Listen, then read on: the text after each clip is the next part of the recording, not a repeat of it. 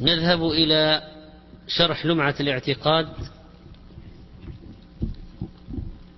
لابن قدامة رحمه الله تعالى وكنا قد انتهينا من موضوع الباب عن الذي عن السنة والبدعة ثم قال رحمه الله ذكر بعض آيات الصفات فمما جاء من آيات الصفات قول الله عز وجل ويبقى وجه ربك.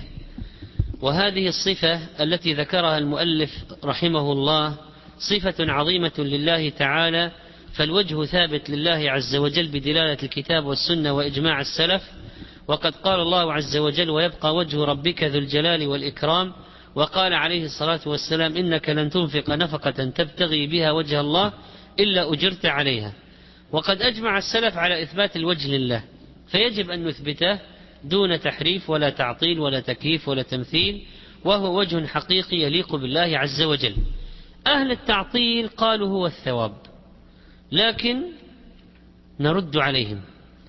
نقول ما هو ظاهر اللفظ؟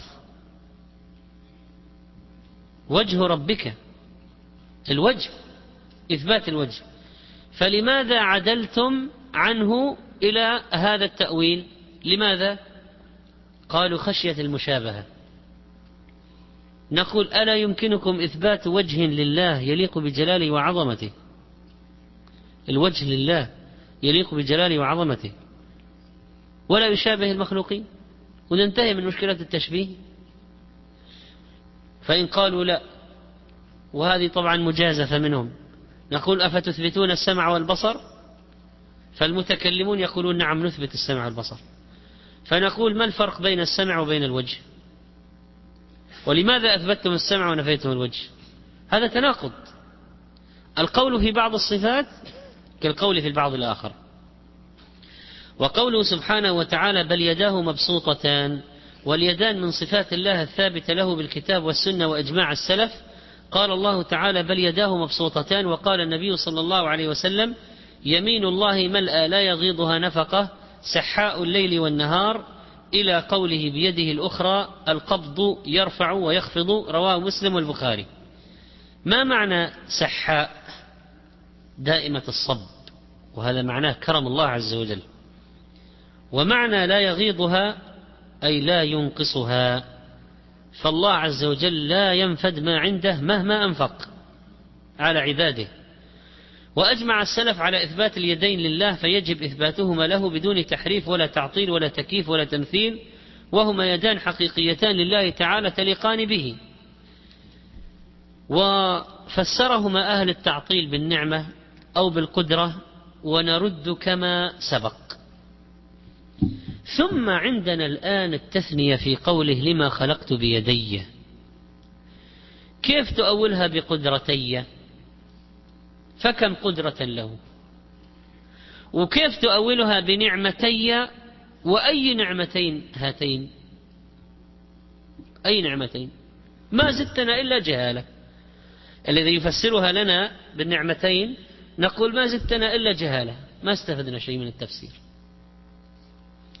إذا بيدي اليدين والراجح أن لله تعالى يمين وشمال. ومعنى كلتا يدي ربي يمين يعني سواء في القوة والعطاء. لأن الناس لأن اليدين عند الناس تتفاوت. فأكثر الناس أيديهم اليمنى أقوى من اليسرى. وبعض الناس يده الشمال أقوى من يده اليمين. الله سبحانه وتعالى كلتا يدي ربي يمين يعني متساويتان في العطاء والقوة. ولكن له يمين وشمال سبحانه وتعالى كما يليق بجلاله وعظمته.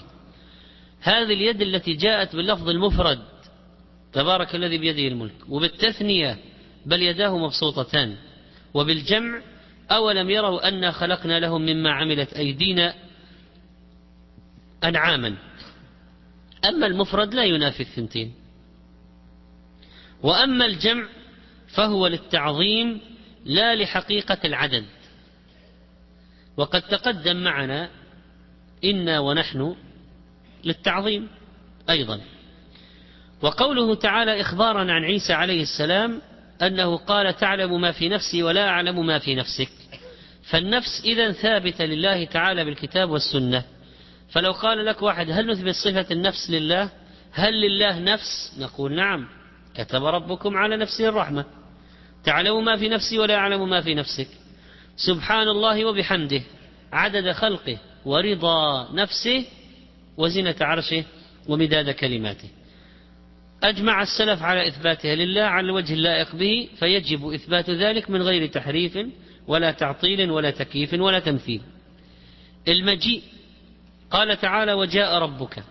الإتيان قال تعالى هل ينظرون إلا يأتيهم الله.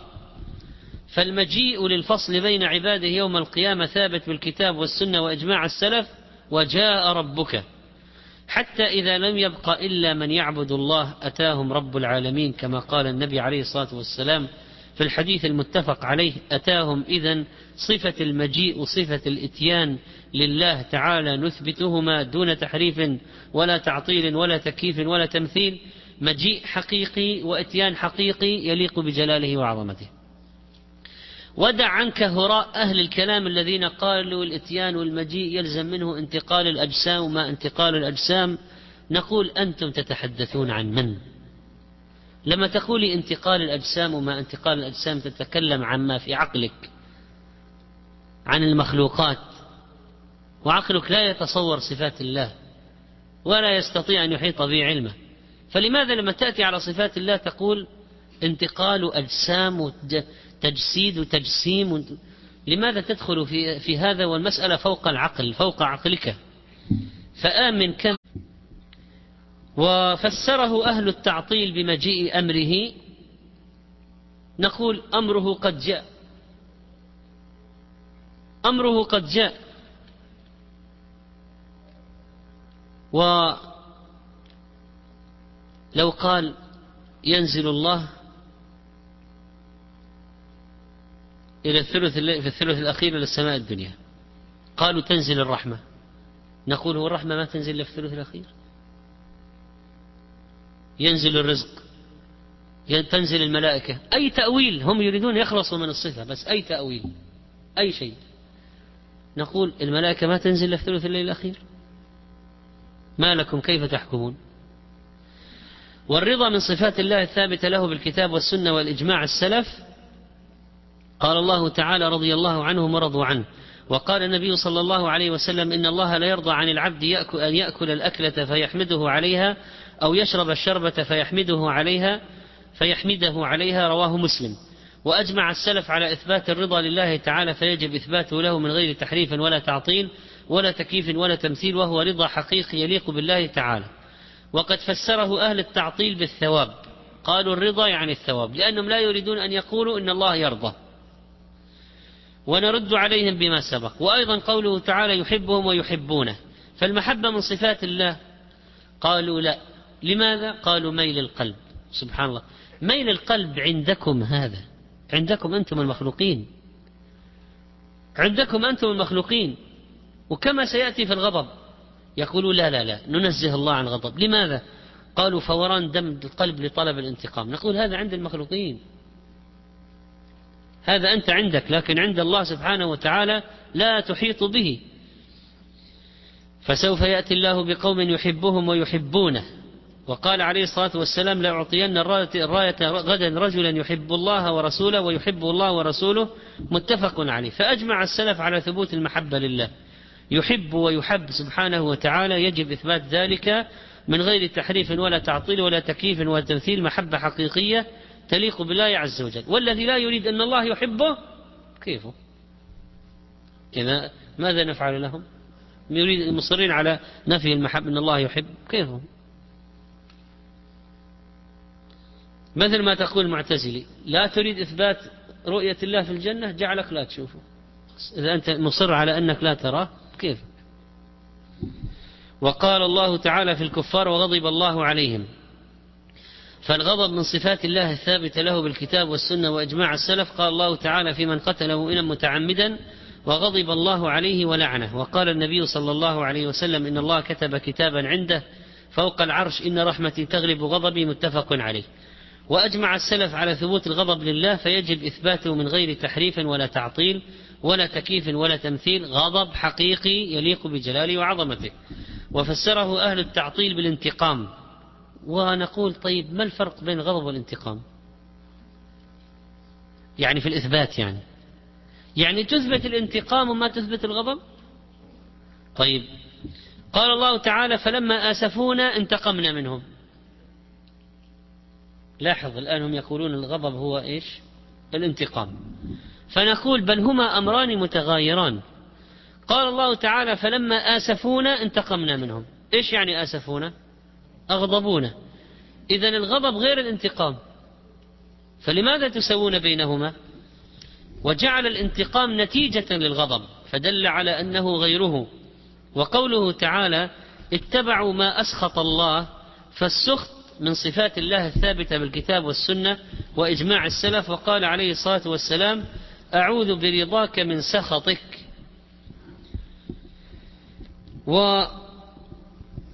وأجمع السلف على ثبوت السخط لله فيجب إثباته من غير تحريف ولا تعطيل ولا تكييف ولا تمثيل وهو سخط حقيقي يليق بالله تعالى. وإن فسره أهل التعطيل بالانتقام نرد عليهم كما سبق. وقال عز وجل كره الله انبعاثهم فالكراهة من الله لمن يستحقها. ثابتة بالكتاب وإجماع والسنة وإجماع السلف. قال الله تعالى ولكن كره الله انبعاثهم. وقد قال عليه الصلاة والسلام إن الله كره لكم قيل وقال الحديث وأجمع السلف على إثبات ذلك. فهذه صفات لله الغضب والسخط والكراهة لا بد من إثباتها. يحل يح فيحل عليكم غضبي. أثبت أنه يغضب والخامسة أن غضب الله عليها. وغضب الله عليه في قتل المتعمد. لا تتولوا قوما غضب الله عليهم اليهود. إن رحمتي سبقت غضبي ويوم القيامة الله سيغضب غضبا لم يغضب قبله مثله ولن يغضب بعده مثله. وقال الطحاوي رحمه الله والله يغضب ويرضى لا كأحد من الورى لا كأحد من الورى. وكذلك ما تقدم في السخط فقد قال عليه الصلاة والسلام لا تقولوا للمنافق سيد فإن يك سيدا فقد أسخطتم. ربكم عز وجل حديث صحيح. والكره قال تعالى أيضا فيه كل ذلك كان سيئ عند ربك مكروها. والكافر إذا بشر بعذاب الله وسخطه كره لقاء الله وكره الله لقاءه. رواه مسلم. طيب الغضب والسخط والكره من الصفات الذاتية ولا من الصفات الفعلية؟ من الصفات الفعلية. من الصفات الفعلية. والمقت قد ورد أيضا أن الله يمقت كبر مقتا عند الله. إن الله يمقت على هذا. فما هو المقت؟ أشد الكره. أيضا مما ثبت قريبا مما سبق. قال الشيخ صالح البليهي رحمه الله الله جل شأنه أثبت لنفسه الغضب في ثمانية عشر آية من آيات القرآن الكريم والغضب من صفات الله الفعلية يغضب تعالى متى شاء كيف شاء ولا تشبيه ولا تعطيل وغضب الله عليه وغضب الله كما جاء في الآية غضب الله عليهم وغضب الله عدل وحكمة يغضب تعالى على الكفر والمشركين والطغاة المتمردين والزنادقة والملحدين والمجرمين والظالمين والفاسقين يغضب تعالى على الذين يرتكبون الجرائم ويفعلون المحرمات. وكذلك فإن قوله اتبعوا ما أسخط الله من عقيدة أو قول أو فعل. وهذا ينبغي على المحرفين أن يحذروا سخط الله عليهم في هذا التحريف. وكرهوا رضوانه فيكرهون رضوان الله وما فيه رضاه ومن رضاه أن نؤمن بصفاته مما يرضاه أن نؤمن بصفاته سبحانه وتعالى على الوجه الذي ورد. وكذلك فإن هذه الصفات هذه الصفات لله سبحانه وتعالى يجب أن تذكرنا بفعل ما يرضيه وتجنب ما يغضبه. لأن يا أخوان الإيمان بالأسماء والصفات لابد أن يكون لها أثر. فماذا نستفيد نحن الآن بالإثباتات هذه؟ لما نثبت الغضب ونثبت الرضا ونثبت السخط ونثبت المقت ونثبت المحبة. الآثار العملية ما هي؟ أننا نفعل ما يحبه الله لكي يرضى الله عنا نتجنب ما يسخط الله ما يغضب الله لكي لا يمقتنا سبحانه وتعالى. ونسأله عز وجل أن يجعلنا ممن رضي عنهم ورضوا عنه وصلى الله وسلم على نبينا محمد.